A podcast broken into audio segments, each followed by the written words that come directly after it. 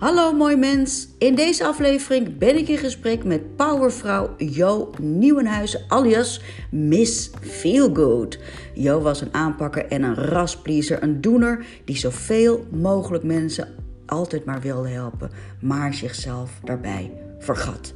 En toen kwam het moment dat Jo brak. Mijn naam is Mira Overkleeft, host van deze podcast en founder van Fitspel. En in deze aflevering met jou gaan we het hebben over hoe Jo omging met haar perfectionisme en faalangst en hoe ze dat heeft omgevormd. Hoe het zorggen bij vrouwen ingebakken zit en hoe het, het is om met gevoelens van schaamte en niet genoeg zijn om te gaan. Jo gaat ons vertellen wat de Creatrix-methode inhoudt en hoe jij daarmee jouw onderbewuste kan omvormen. Ik wens je veel luisterplezier. Dag!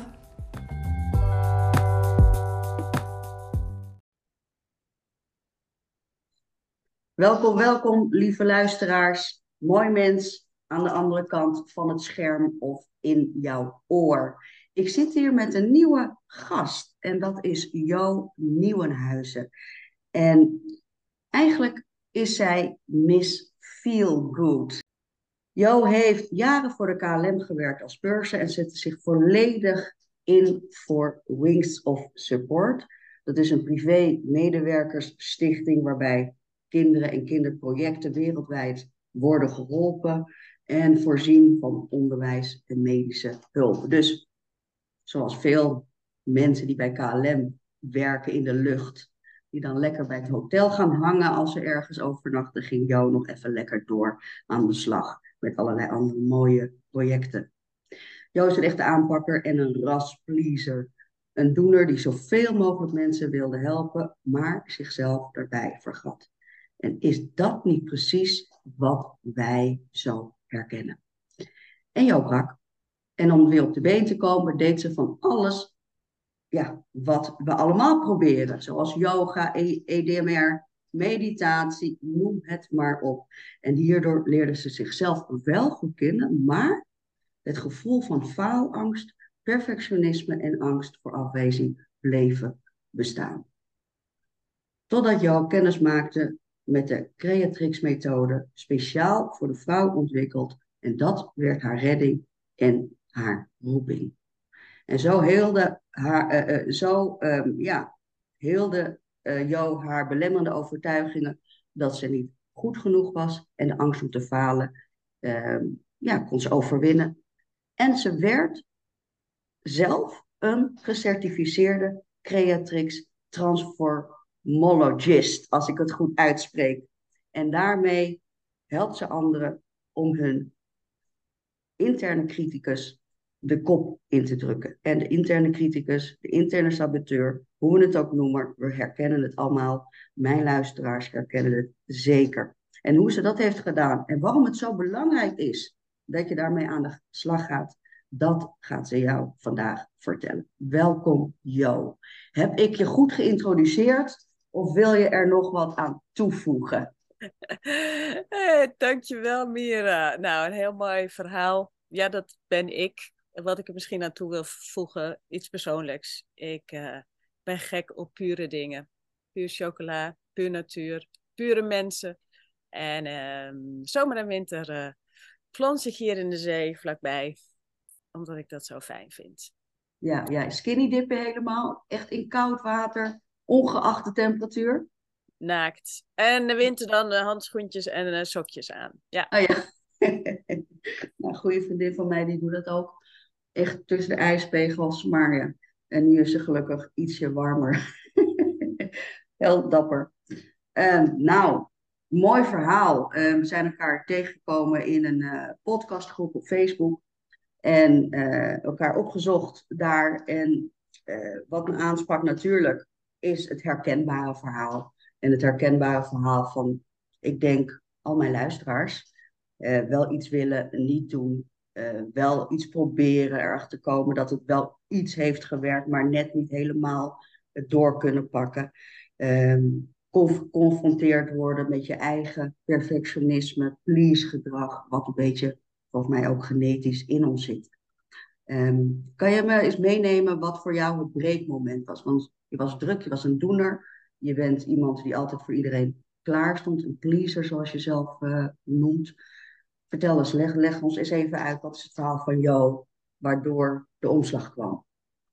Ja, nou, zoals je al in de intro hebt verteld, ik was altijd met iedereen bezig uh, te verzorgen. Uh, moeder die meer dan 30 jaar uh, om de paar levensbedreigd ziek werd. Op de route de kindertjes, in het vliegtuig de passagiers en mijn bemanning. En Jo kwam eigenlijk niet in dat rijtje voor. Ook meer dan tien jaar slaapprobleem gehad. Ja, je hebt al een paar dingen genoemd. Nou, daar, daar kan ik nog een hele riedel aan toevoegen. Aan wat ik allemaal in de reguliere medische wereld en in het het alternatieve en het spirituele gedaan heb. Het hebben me allemaal heel veel dingen gebracht. En uh, nou ja, ik, ik viel uiteindelijk, ik bleef maar doorgaan. Ik ben een ondernemersdochter, een kwekersdochter en het was niet zeuren doorgaan. Uh, en ik luisterde niet naar mijn lichaam. Ik heb een vrij sterk lichaam, helaas. Want uh, die trok niet eerder aan de bel. Wat bij sommige mensen wel gebeurt. Uh, want dan is er noodzaak.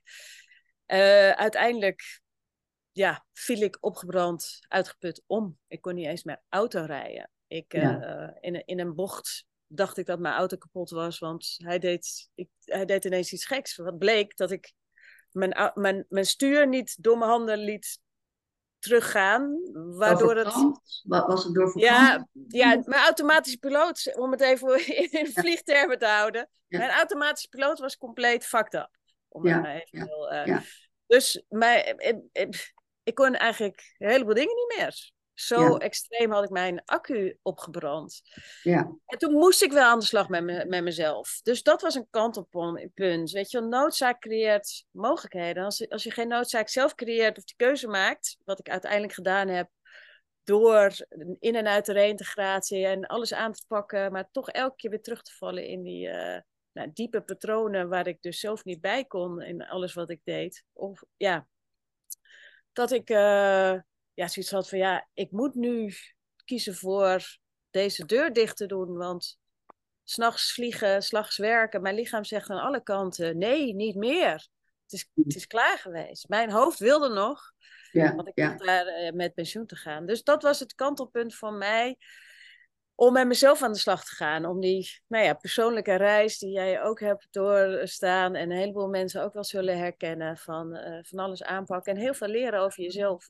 En uiteindelijk kwam er dus een moment dat ik het wel wist. Dat ik zelf de perfectionist was. Dat ik het zelf deed. Dat ik zelf die lat zo hoog legde. En dat ik zelf zo kritisch naar mezelf sprak. Toen dacht ik, ja, en wat dan nu? Ik, ik kon affirmaties naar mezelf in de spiegel van... Ik hou van je, ik hou van me. Ik voelde het niet. Mm. En ik werd er alleen maar gefrustreerd door dat ik dacht, ik weet het allemaal wel. Maar waarom ja, precies.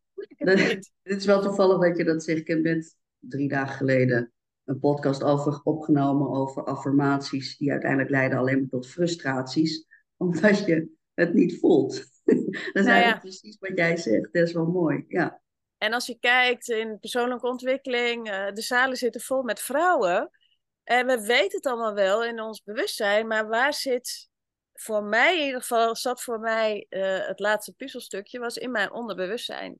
Ja. En um, toen kwam dus deze methode voorbij en ik dacht, oh vrouwen, pff, ik heb al uh, nou ja, bijna 30 jaar uh, met vrouwen gewerkt. het zal wel weer iets spiritueels zijn of geitenwolle sokken of...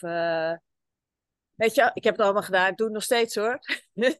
um, maar een, van origine ben ik vrij nuchter. En mm toen zag ik voor- en na filmpjes. Toen dacht ik, what the F? Ja. Wat gebeurt hier? Dit non-verbaal. Zie je de, de, de, de zachtheid en de rust in de gezichten? En toen dacht ik, wow, dit kan geen, geen actrice acteren. Dit is, dit is echt. Uh, dit moet ik ook kunnen. En uh, in, de, in de opleiding werden wij zelf ook opgeschoond door elkaar.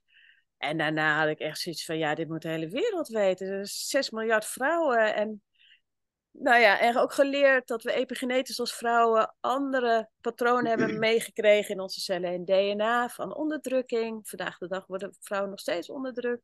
We hebben dingen meegekregen in onze opvoeding, ook anders als vrouw, als meisje zijnde. Mijn moeder mocht naar de huisartsschool. Haar jongere broertje nummer 10 ging naar Nijrode. En dat is één generatie voor ons. Een eeuw geleden werden we als vrouw zijn nog op de brandstapel gezet als we een andere mening hadden. Ja. ja. Um, uh, ik vind het niet zo raar dat ik... Ik heb vrouwen op het hoogste niveau die nog steeds zo naar binnen lopen... Uh, als ze ergens moeten solliciteren met zo'n cv waar je u tegen zegt. Mhm. Maar dat het onveilig voelt van binnenuit, vanuit het systeem, om zich uit te spreken. Ja, je had het over eigenlijk de culturele erfgoed, wat we als, eh, als vrouwen, ook als mannen trouwens, die hebben een andere kant een erfgoed natuurlijk, maar we hebben het over, over vrouwen. Um, en hoe die verankerd is het, is, het is een heel bijzonder gegeven dat dat op generatie op generatie eigenlijk door wordt gegeven. Wat, wat, wat, wat, wat heb jij geleerd daarover in, de, in het proces van de Creatrix? Zeg ik het goed? Ja, Creatrix. Ja, het komt uit Australië, dus vandaar dat het een Engelse naam is. Uit het Institute of Women International. Creatrix Transformologist. Ik transformeer vrouwen. Ik ben dus geen coach. Eh, ik ben geen certificeerde coach. Ik ben een transformologist. En uh, wat heb ik daarover geleerd? Dat het dus in je cellen en je DNA we dingen over geërfd kunnen hebben. Dan kunnen we spitten wat we willen over en uh, proberen het, dat kreeg ik ook te horen bij een psycholoog, waar ik onder andere was, van ja, hoe is je opvoeding enzovoorts. En zo hebben ieder huisje heeft een kruisje. We hebben allemaal wel wat meegemaakt in ons verleden, wat een angst is geworden of wat een systeem is geworden om jezelf uh, veilig te houden. Uh, maar het kan nog generaties geleden uh, ontstaan zijn. En uh, wat ik daar zo interessant in vind, is dat je uh, door het overerven in je cellen in je DNA kan, eh, als voorbeeld, uh, ik was bang voor boze mensen of bang als mensen boos werden. Vliesgedrag daarom ook, weet je, als mensen maar niet boos worden of als ik mensen maar niet teleurstel of als ik mensen maar niet pijn doe, verdriet doe of afwijs. Mm. En daardoor ging ik me heel erg aanpassen. Of als voorbeeld, als er waar dan ook in mijn omgeving ruzie gemaakt werd, voelde ik een schok in mijn lijf. Mm -hmm. Je voelde het echt fysiek. Die fysiek. emotie voelde je fysiek ook, ja. Ja. Een, een, een, een, een trigger in mijn lijf die zei gevaar. En dan stond ik meestal ook nog eens op de eerste rij bij waar het gebeurde. En ik dacht, waarom sta ik hier op de eerste rij? Waar kan ik heen? Nou, we hebben het fight, flight or freeze uh, overlevingsmechanisme, wat supergoed is om ons veilig te houden. Uh, maar dat gebruiken we 9 van de 10 keer ook als er geen gevaar is, maar het wel als gevaar voelt. Mm-hmm. Dit voelde voor mij als gevaar. Mm-hmm. En um, als je kijkt naar het mannen- en vrouwenverschil in geschiedenis uh, en in de fight, flight or freeze uh, mechanisme, 7 van de 10 keer gaat de man eerder in de tegenaanval en de vrouw eerder in de freeze of in de flight. Mm -hmm. Is ook heel logisch, want als er echt gevaar is, bijvoorbeeld als een vrouw verkracht wordt, dan heb je meer kans om te overleven als je, als je bevriest. Mm -hmm. Want als je in de tegenaanval gaat, de man is fysiek sterker, zal je het eerder, nou ja, uh, misschien niet overleven. Dus dit is een heel mooi systeem. Het heeft ook met je oudste stukje brein te maken, je reptiele brein, die ja, jou ja, uh, veilig moet houden. En uh, ja, en dat stukje brein, dat gebruiken we dus ook in de westerse wereld 9 van de 10 keer als er geen gevaar is. Maar het voelt wel ja. zo. En ja. daarom is je automatische respons, waar is hij de nood uitgaan? Of poef, blokkeren, bang! Ja. ja. Of paniek. Zeker. Het is dat, hè, de gedachte alleen al aan iets angstig kan de, dan kan de stressrespons oproepen. Maar even terug naar jou, Jo. Want hè, je kwam erachter dat je dan daar fysiek voor een bedreiging, voor een conflict, fysiek iets bemerkte. Heb je voor jezelf dan ook onderzocht of dat iets te maken heeft met het verleden, met je opvoeding, met mooie vraag, eh, Mira. Nou, het was in mijn periode dat ik op zoek ging, wie is Jo en waarom doe ik wat ik doe? En waarom ben ik zo kritisch op mezelf? Of waarom ja, put ik mezelf zo extreem uit? Heb ik ook mooie gesprekken gehad met mijn ouders.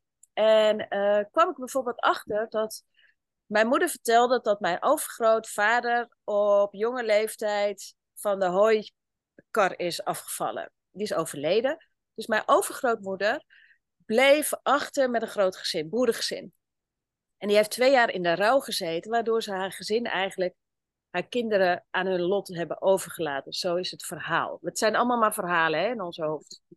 Maar goed. Um, en mijn grootmoeder is dus in dat grote gezin met heel veel ruzie opgegroeid.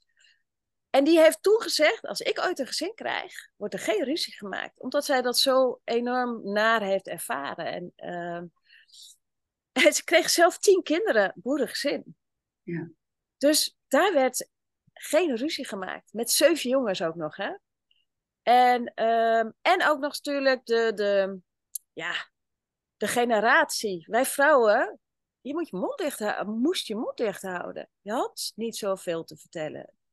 Ehm, dus in dat alles heeft mijn moeder nooit leren ruzie maken. En ik wist wel dat ruzie maken eigenlijk hartstikke gezond is. Omdat je dan grenzen aangeeft, je mening zegt.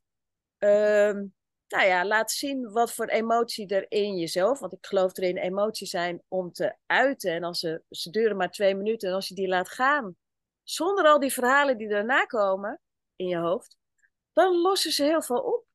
En geeft, schept dat duidelijkheid aan je omgeving. Mhm. Maar mijn moeder kropte alles op. Nou, die heeft vier soorten kankers, twee hersenvliesontsteking, buikvliesontsteking, meer dan 30 jaar reuma, suiker en uiteindelijk is ze ook nog dementerend geweest. Uh, een voorbeeld, in mijn optiek, heel veel opgekropt hmm. patronen. Niet kunnen vrij laten stromen van afvalstoffen, van alles, nou ja, wat haar ook emotioneel raakte. Ja. En, uh, nou. Misschien eventjes een beetje nuanceren voor, uh, voor mijn luisteraars. Hè? Want ja. ik ben uh, altijd wat voorzichtig uh, om meteen de link te leggen tussen ziektes en mentale staat. We weten, weten inmiddels wel dat epigenetisch gezien dat ziektes voor 95% ontstaan door gedrag omgeving.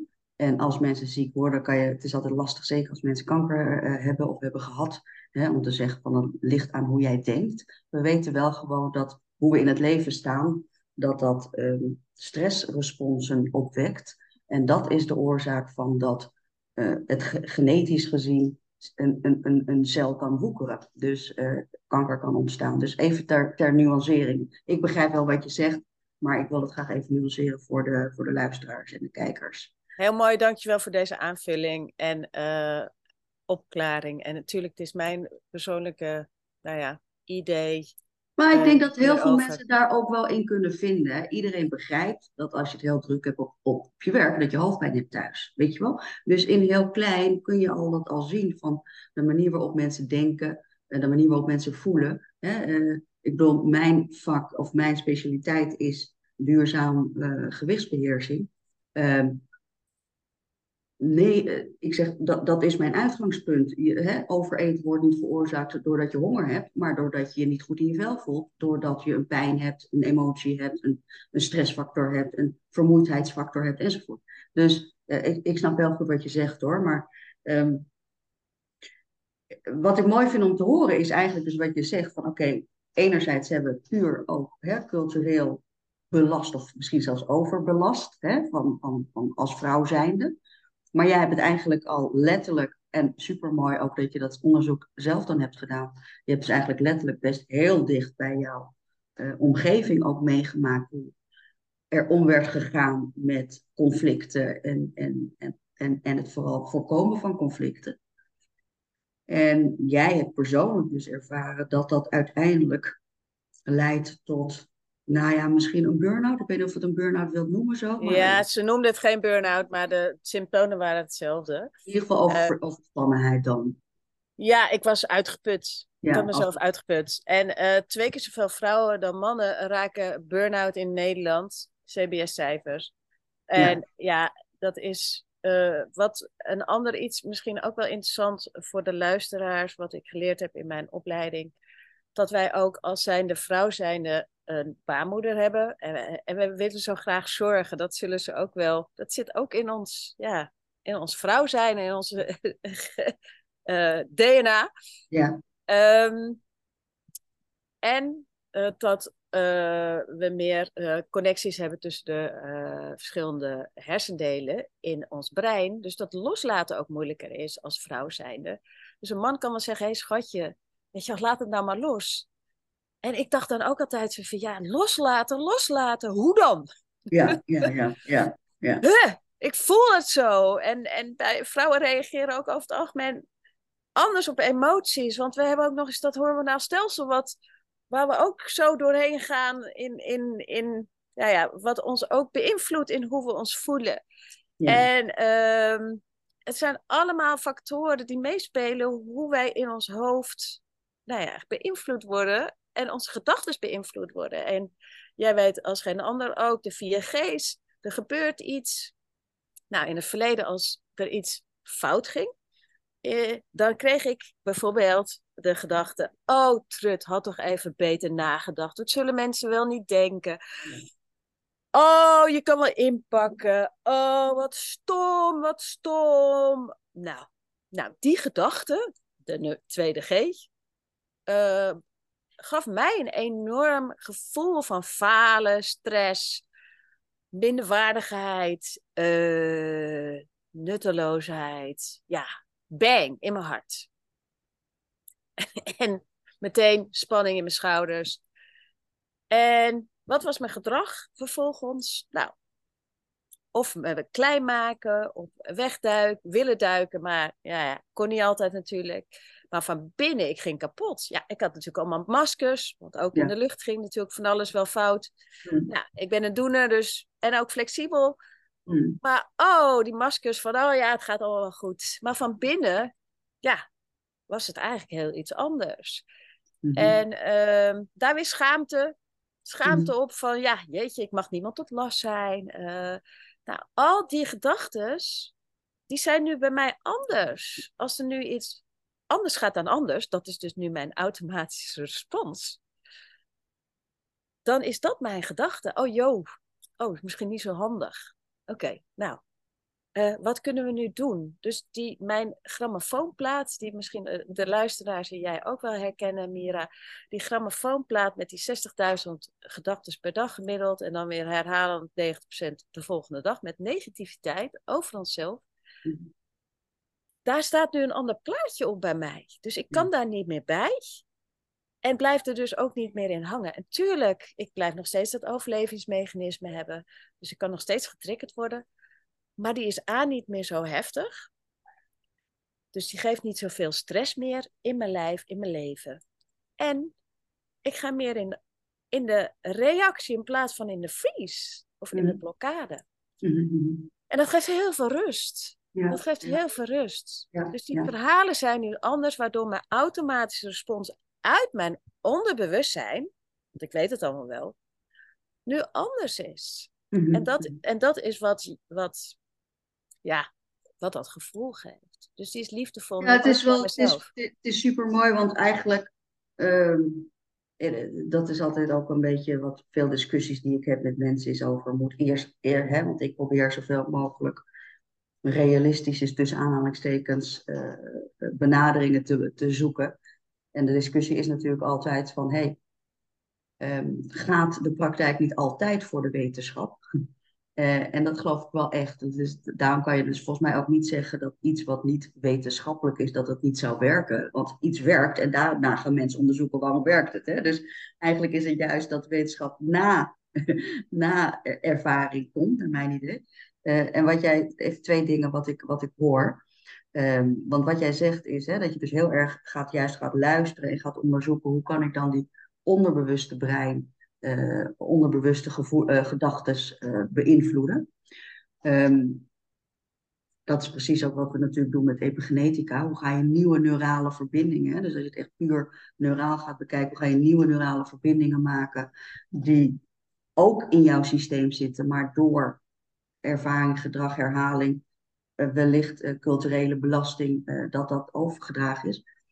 Dus, dus die methodieken die, die zijn er um, en die zijn, ehm, denk ik, nou, ik, heb het, ik weet niet of ik dat tegen jou heb gezegd, maar zeker tegen aan mijn luisteraars heb ik dat gezegd. Ik ben overtuigd dat dat de aankomende tien jaar, dat we daar in die richting gaan zoeken in gedragsverandering. dus, dus de, Creatrix, Creatrix, ik zeg het nog steeds van. Creatrix, Creatrix. Creatrix. Oh, van creating, van creating. Creatrix ja. uh, methode loopt denk ik daar dan echt wel in uh, vooruit. Dat is super mooi. Ik heb nog even een ander ding. Ik hoorde jou iets vluchtig zeggen over schaamte. uh, misschien wil je daar niet naartoe hoor, maar dat geeft dat even aan. Voor mij is schaamte super belangrijk uh, element en emotie uh, in het hele proces van inderdaad ook pleasen en perfectionisme en uh, faalangst en dergelijke. En, um, en ik denk persoonlijk dat, dat mannen makkelijker, dat vrouwen meer in de schaamte vallen en mannen makkelijker in de schuld vallen.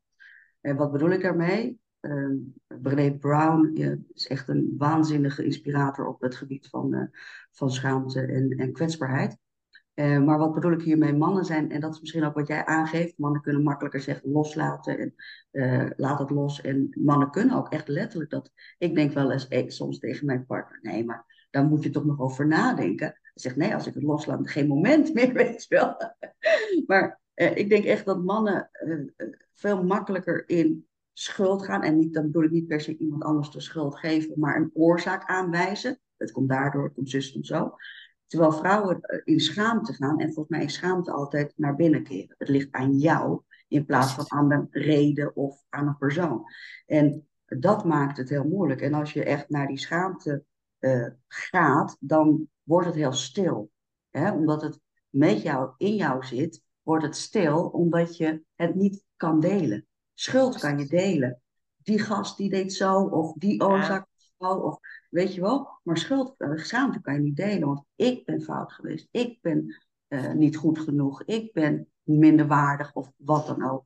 Wil je daar wat meer over vertellen?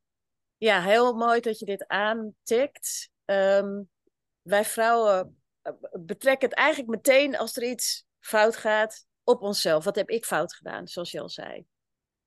Uh, en even over de mannen over het algemeen. Hè. Het vingertje allemaal naar de ander, uh, schuld bij de ander leggen, is ook een menselijk iets. Want het is, uh, ons saboteur vindt het, uh, vindt heel eng om naar veranderingen te gaan. Of dus die zegt van, weet je, ook als het de schuld is van de ander, dan hoef ik zelf niet mee aan de slag. En op verandering zit weerstand.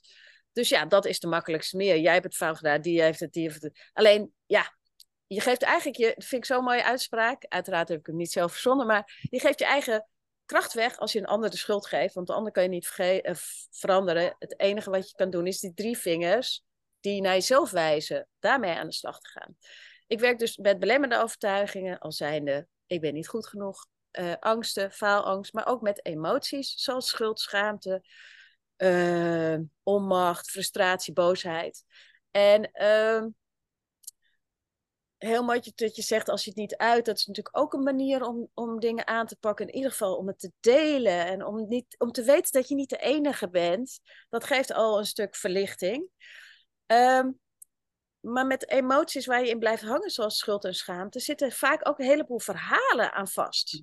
Zeker, ja door je opvoeding of door wat je hebt meegemaakt of wat je epigenetisch hebt overgeërfd. Mm En mijn ervaring als transformologist is dat als je die verhalen, daar ben ik dus in ge, ge, uh, gespecialiseerd, al meer dan vijf jaar geef ik garantie op eindresultaat op die verhalen, dat die verhalen dus echt veranderen. En de reset, het is herprogrammeren, dus het is niet oefenen, het is geen mm tool, het is echt een ander plaatje daarop uh, in, imprinten.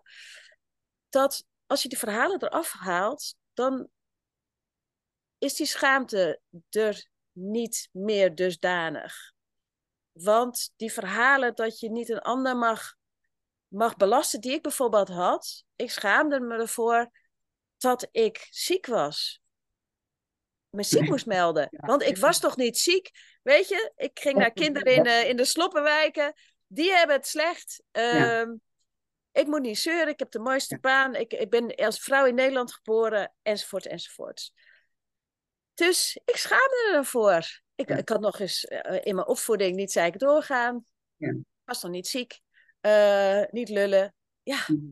dus die verhalen zijn er nu af. Mhm. Dus ik spreek nu wel uit als ik uh, iets wil. Of ik zorg nu beter voor mezelf. Tuurlijk, weet je wel, we blijven tot ons dood.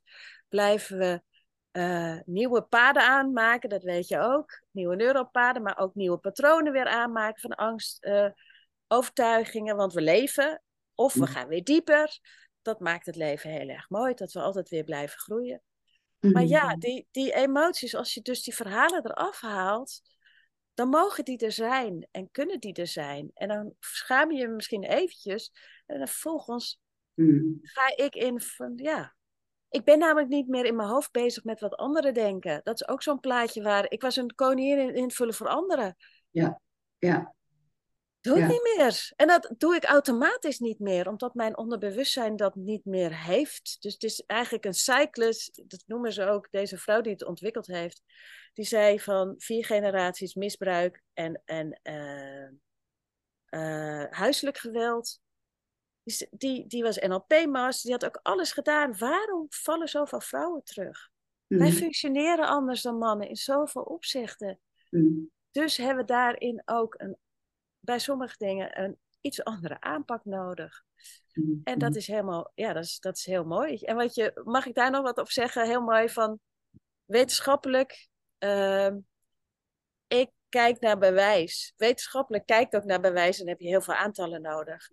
Als, net zoals dat ik aanging op voor- en na-video's. Ik film mijn klanten namelijk voor en na. En er zijn een aantal dames die, dat, die toestemming hebben gegeven om dat te laten zien aan de wereld dat het dus ook anders kan. Ehm, dat is voor mij bewijs. Hmm. Want dit kan je niet faken. En dat het er misschien nog niet genoeg zijn voor wetenschappelijk, dat snap ik. Hmm. Alleen uh, deze, de Institute of Women is ook bezig met, met uh, hersenscans. Om net zoals met meditatie, is daar ook in bewezen dat het dingen teweeg hmm. brengt. Het geeft stressreductie. Nee, reductie. Want als jij je ontspannender voelt, en minder stress, ja, dat is beter voor je. Dat is fijner voor je. Dan kan je meer genieten. En, en, en ik heb ook veel mensen gehad, vrouwen die, die, omdat ze zich nu wel het waard voelen, en daar heb jij ervaring mee, Mira. Het is, het is, als je jezelf het waard voelt, ga je ook andere dingen in je mond stoppen. Ga je ook meer sporten. Ja, tuurlijk. Ja, tuurlijk. Nou, het is, het is, uh, uh, ja, ik begrijp wat je zegt, maar het is natuurlijk altijd best wel lastig om te kijken van uiteindelijk kan alles effect hebben. Hè? En dan is het zeker in mijn, in mijn uh, branche, hoe zeg je dat, in mijn, mijn werkgebied, vitaliteit en leef, leefstijl, dan, we hebben, dan, dan er zijn wel effecten als mensen Ehm, nou, het gaat zelfs zover. Er zijn effecten dat, mensen, dat we zeggen van we moeten drie ons groente eten. Maar het is helemaal niet bewezen dat drie ons groente ons gezonder maakt.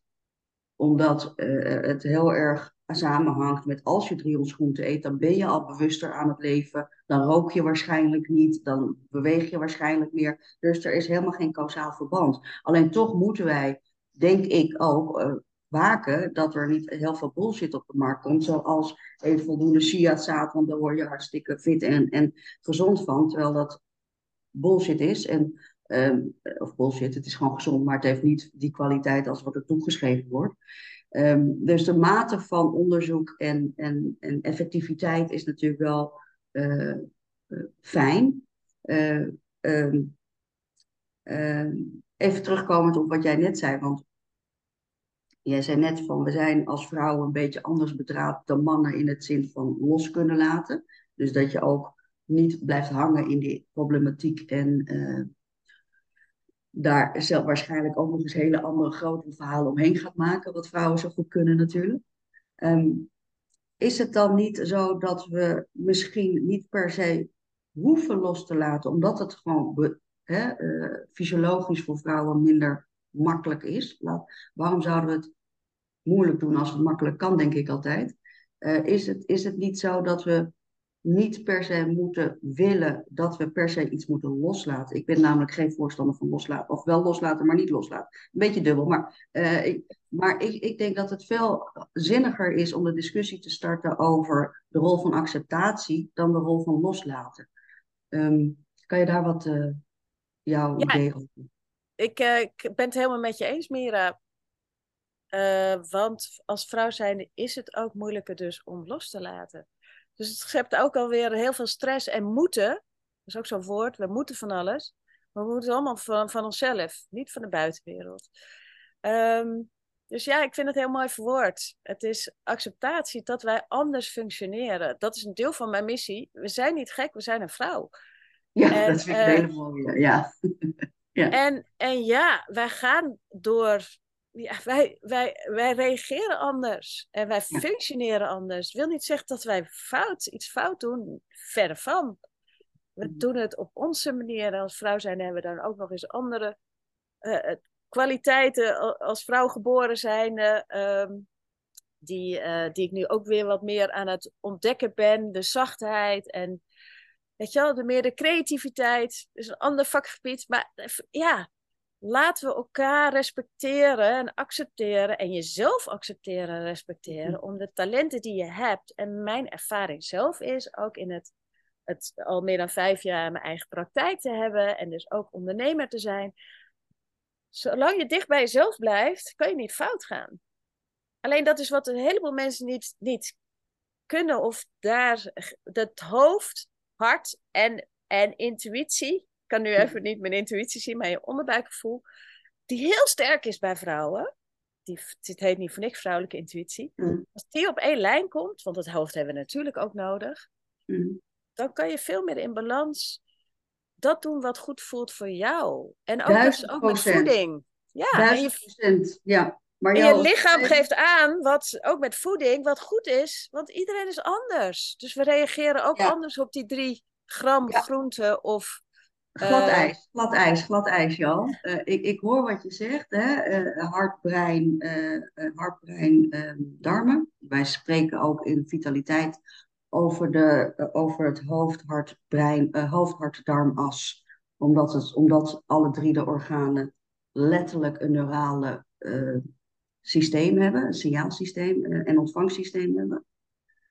Ehm, het probleem is denk ik alleen dat als we uh, kijk, jij zegt, en daar ben ik het 100% mee eens, als je, als je het hebt over uh, wanneer de verbinding er is tussen hoofd, hart, darmen, dan doe je het goede.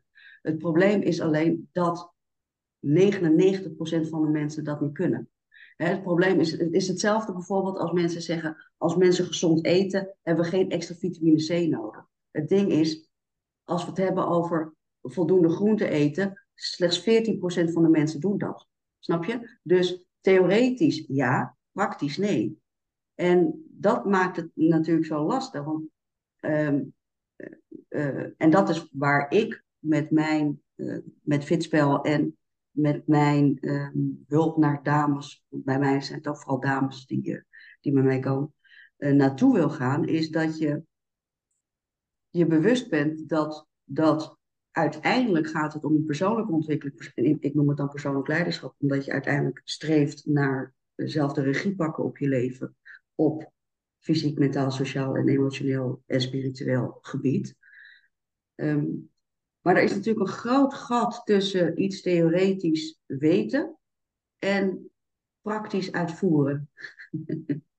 Maar dat is, dat is zo de belangrijkheid uh, in in die gedachtes.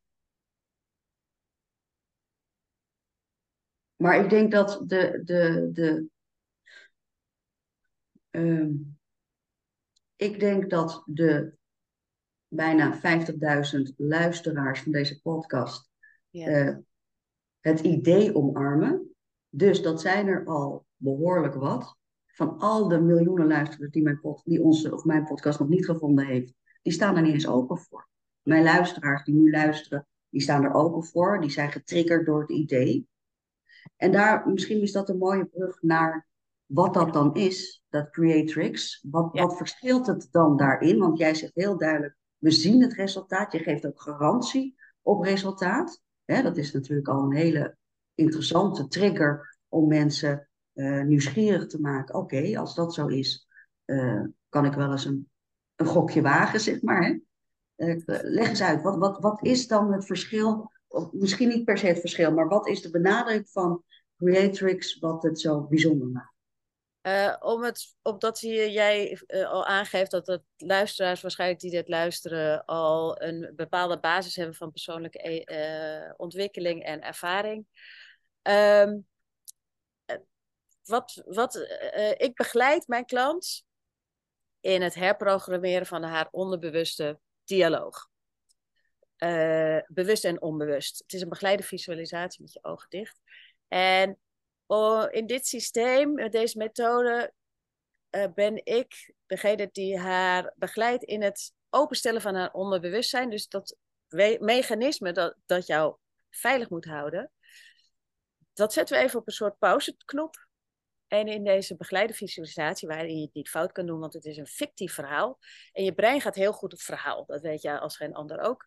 Die weet niet het verschil tussen werkelijkheid en fictie, of uh, geschiedenis, of uh, ervaringen, of nu.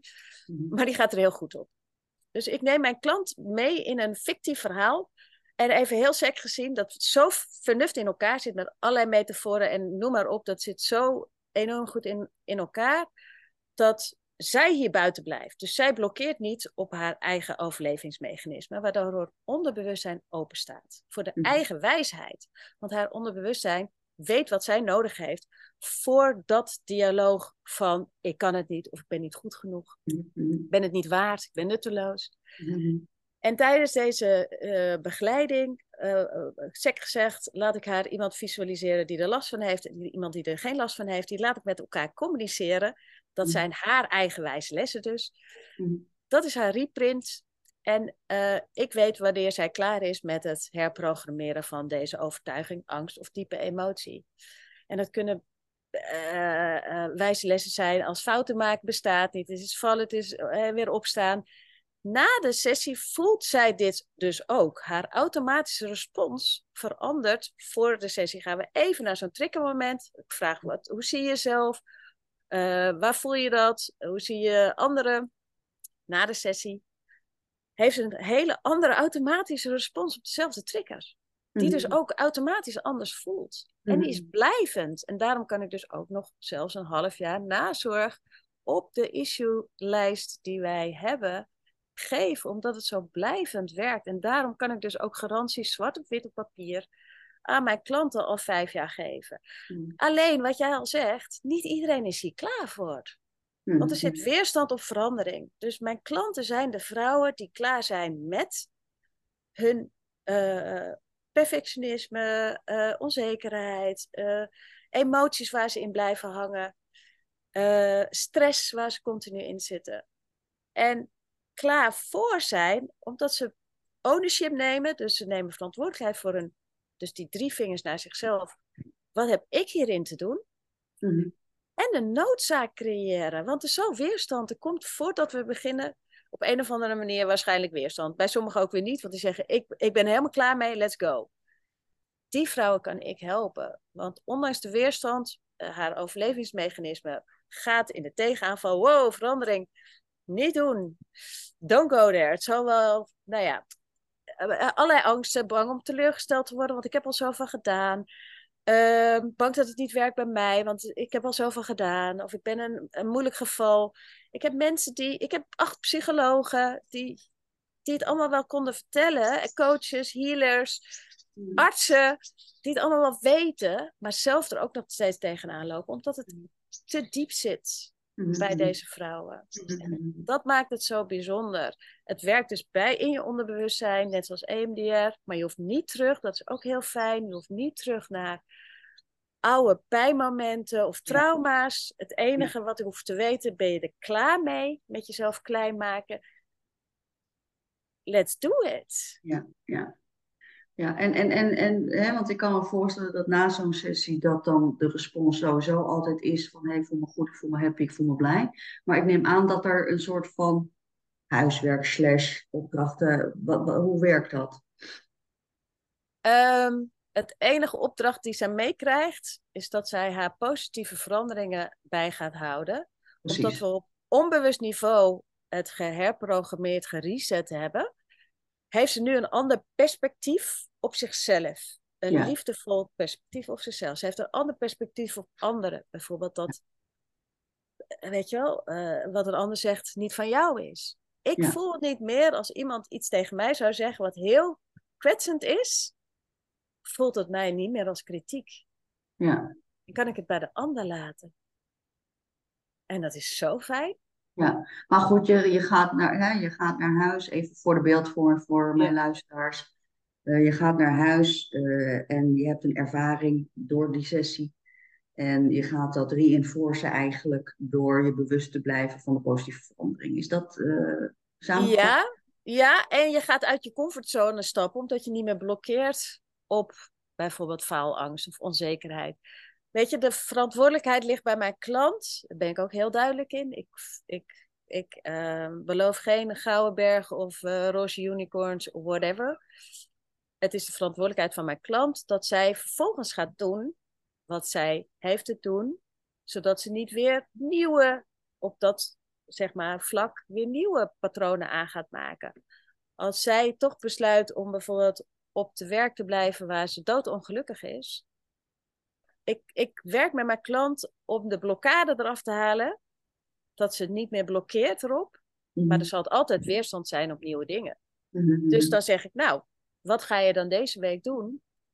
Om dat nog extra te versterken. Net zoals jij het al over die nieuwe neuropaden. Om die nog extra, zeg maar, ehm, ja, te versterken in, die, ehm, in dat zelfverzekerd worden. En omdat ze niet meer geblokkeerd wordt en ze dus dingen gaat doen die, die ze anders nooit had gedaan, omdat ze, dat er een angst tussen zat, krijgt ze weer nog meer, meer bevestiging dat ze dingen kan. En is het dus een ripple effect. Dus ik, Ja. ik zie mijn klanten altijd weer een maand en drie maanden nadat ze zijn afgerond. Mhm. Want mijn traject is één op één. Ieder mens zit weer anders in elkaar. Eh, gemiddeld vier tot acht sessies van twee uur. Eh, als het er tien zijn, als het er vijftien zijn, ik ga voor het eindresultaat. Daar staat mijn handtekening onder. Mhm. En als dat klaar is, een maand later hoor ik dan wat er dan allemaal weer gebeurd is. Nou, ik had een van de klanten, omdat jij met mensen eh, werkt en daar ook de ervaring mee hebt. Als je ze dus eh, laat voelen dat ze het waard zijn. Mhm. Ik, ik had een klant die echt, ik zeg, wat is er met jou gebeurd? Ja, ik ben afgevallen. Ik ben meer dan 10 kilo afgevallen. Ik zeg, wauw, hoe heb je dat dan gedaan? Ja, om, door gezonder de dingen beter voor mezelf te gaan zorgen.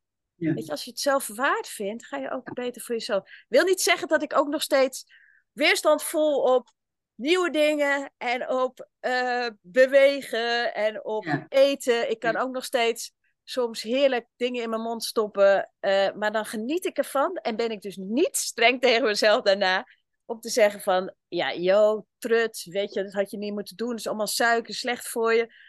Nee, dan denk ik, nou ja, weet je, ik heb ervan genoten. Lekker.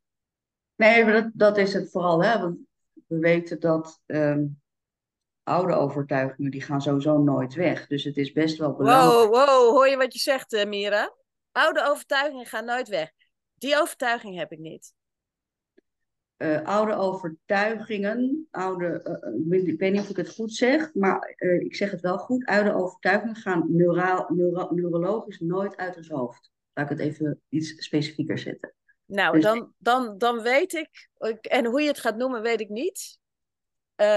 Maar die kunnen wel op een andere manier geherprogrammeerd worden. Ja, precies. Maar dat is precies wat ik zeg. We weten dus alle, hebben 70, dat weet jij ook, we hebben 70.000 gedachten per dag.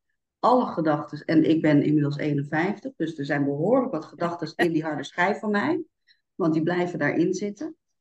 En waarom is iets een gewoonte geworden? Omdat we heel vaak hetzelfde doen. Gewoonte is niks anders dan een herhaalde actie. En eh, gewoonte, wanneer dat een herhaalde actie wordt, waar er ook een emotionele duiding aan gegeven, noemen we een overtuiging. Ehm, eh, die, eh, die overtuiging, die, mijn overtuiging, en ik heb, ik heb dat pas sinds kort hardop durven zeggen, maar dat is, eh, eh, Dat is gewoon voor mij duidelijk. Mijn overtuiging is, ik ben niet goed genoeg. Mijn respons is daarop niet vechten, niet, niet vluchten of bevriezen, maar juist vechten. Dus mezelf bewijzen, juist harder werken, nog meer optreden, nog meer opleidingen doen enzovoort. Um, dus de, de overtuiging van uh, hè, zelfonderzoek, waar komt het dan vandaan? Nou, Laura kan je dan terugleiden. Uh, maar die overtuiging, die blijft bestaan. Die blijft in mijn hoofd, gewoon neurologisch, blijft dat pad van kleine Mira, uh, blijft gewoon bestaan. Van kleine Mira die twee jaar was en totaal verwaarloosd en in een vreemd land kwam. Dat blijft gewoon bestaan. Snap je wel? Dus daarom vraag ik het ook aan jou, omdat ik geloof dat je wel degelijk ermee aan de slag moet gaan. Wil je dus een nieuw neuraal pad maken van hé, hey, je bent het wel waard, door inderdaad vanuit dat onderbewuste aan de gang te gaan, dan heeft dat wel herhaling nodig om van dat zandpad een snelweg te maken. ik snap, dat is, mag ik jou, uh, sorry dat ik je onderbreek, meer, dat is niet netjes. Dus maak, maak hem even af. Nee, nou, dat is wat ik eigenlijk zeg. Wat we, wat we doen, tenminste zoals ik het zie, hè? Dus, dus graag jouw uh, verhaal hierop, hoe ik het zie, de bepaalde gedachten, overtuigingen die gevormd zijn, het enige wat we kunnen doen is zorgen dat we een betere, snellere, mooiere weg naast die overtuiging gaan leggen, die ons reinforceert in uh, positieve ervaringen, emoties en acties. Het ding is alleen, weten we, dat we weten bijvoorbeeld ehm, oud of nieuw gedrag aanleren kost ongeveer tien keer zoveel tijd als weer terugvallen in oud gedrag. Dus dat bedoel ik eigenlijk mee. We moeten wel continu ons bewust zijn om die nieuwe paden aan te stampen, er overheen te lopen, zodat het een snelweg wordt waar we gemakkelijk overheen kunnen rennen zonder, zonder dat we bang zijn dat we ons dus enkel verstuiken. Snap je wat ik zeg? Ik snap helemaal en dit was ook mijn overtuiging tot ik dit tegenkwam wat ik nu uh, gebruik en zelf dus ook uh, mijn overtuiging echt een ander, nou ja, andere overtuiging voor in de plaats zijn gekomen of ernaast zijn gekomen, hoe je dat ook visualiseert. Het, het eerste wat er nu in me opkomt, ik kan nu liefdevol naar mezelf kijken. Terwijl ik voorheen het gevoel had dat ik het niet waard was. Dus die, die zit er misschien nog ergens, maar die komt nu niet meer naar boven. Dus als ik het nu misschien zo op jou, want wat jij nu vertelt was mijn ervaring ook. En, en, en dat is ook een pad. Dan is dit de superhighway naar een hele snelle, uh, uh, ja, naar de snelle uh, reprint.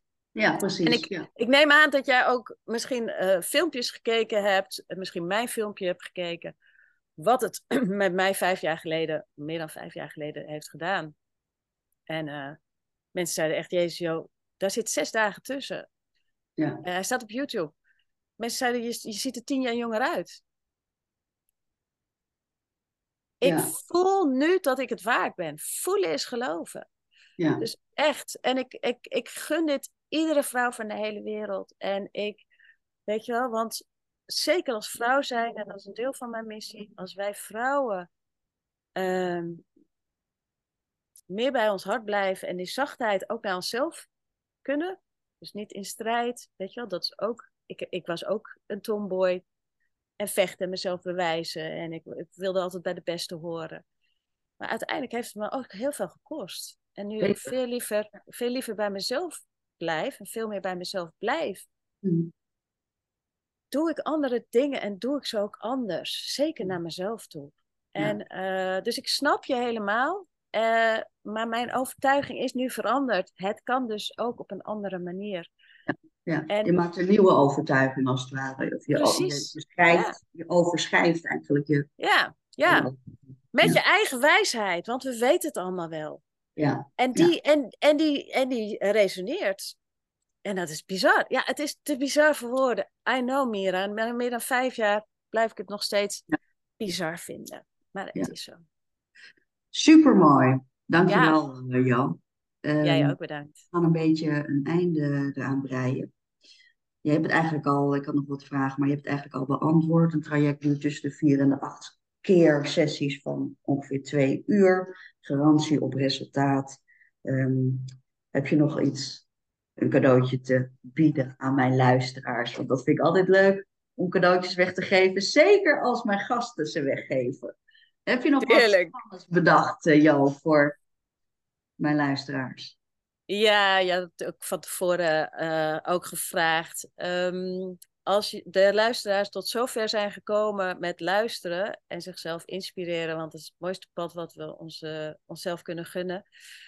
Um, ik uh, geef ontdekkingsreizen consults van een uur, waarin ik één op één uh, jouw zeg maar, verlangen, onderbewust en bewust, maar ook je blokkades, ook je onderbewuste belemmerende overtuiging, angst en diepe emoties, uh, waar jij in geblokkeerd wordt, naar boven kan krijgen. Een uh, hele mooie reis naar binnen.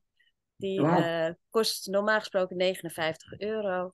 Kan gewoon via Zoom. Mag ook hier in Noordwijkerhout live.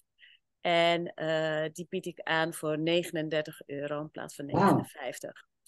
Wow. En wow. dit gaat ook nog eens naar het goede, goede doel. Want ik uh, support twee families uh, met twee power mama's in een vluchtelingenkamp. In, uh, daar ligt nog steeds mijn hart. In Ghana. Deze twee dames hebben allebei een gehandicapt kind. En runnen een, een daycare in, in het vluchtelingenkamp. Oh, wauw, wat mooi. Dus ja, ik geloof erin. Iedereen, ja, Help jezelf, dan help je een ander. Dat is altijd mijn uitspraak. En jij brengt dat hartstikke mooi in de praktijk op deze concrete, praktische manier. Supergoed. Ja. Ik ga de links natuurlijk gewoon in de caption zetten van de, van de podcast waar ze jou kunnen vinden. Heb jij nog iets uh, wat jij uh, als cadeautje aan mijn luisteraars en volgers... Uh, nou, ik heb altijd sowieso, en dat wil ik natuurlijk sowieso delen met mensen, altijd de mogelijkheid om uh, 30 minuten free coaching call uh, te plannen. Daarvoor, dat is niet zomaar een free coaching call, daarvoor krijg je van tevoren eerst een vragenlijst. om te kijken van hè, waar dat dat half uurtje ook echt uh, praktisch kunnen gaan invullen en niet zomaar een beetje eerst een nou, kennismakingsgesprek hebben. Dus het is super concreet. Ik hou erg van als, als je iets weggeeft, laat het dan ook waardevol zijn.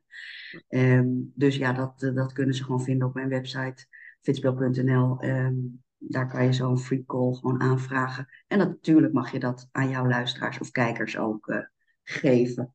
Mooi, um, dankjewel. Jij bedankt, uh, Jo. Ik vond het een super mooi gesprek. Ik denk dat ik heel weinig hoef te editen. Dat is ook wel eens weer fijn. Um, lieve mensen, lieve luisteraars, we gaan afsluiten.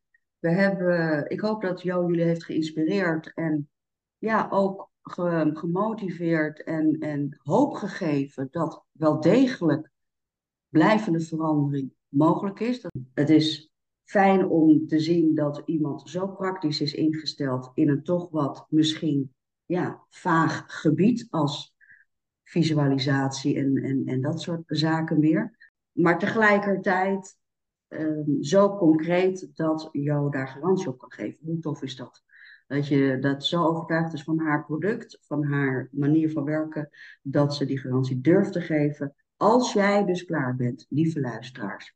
Als je het nu helemaal hebt gehad met al je oude patronen en al jouw oude overtuigingen en al jouw ideeën dat het toch niet verandert, ben je daar klaar mee, dan ben je klaar voor Jo. Dankjewel Jo. En nou ja, wij spreken elkaar zeker later een keer. Dankjewel Mira.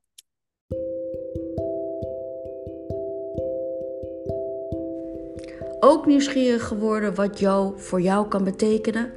Ga dan even naar www.missfeelgood.nl en maak gebruik van haar mooie aanbod, de ontdekkingsreis van 59 euro voor 39 euro.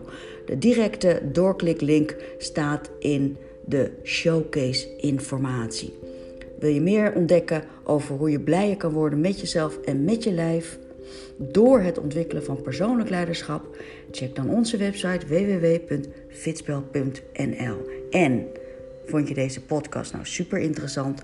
Dan zou ik dol blij worden als je me wilt volgen door even op het belletje te drukken. En nog blijer word ik als je mij een review wilt geven. Dag dag, tot de volgende podcast.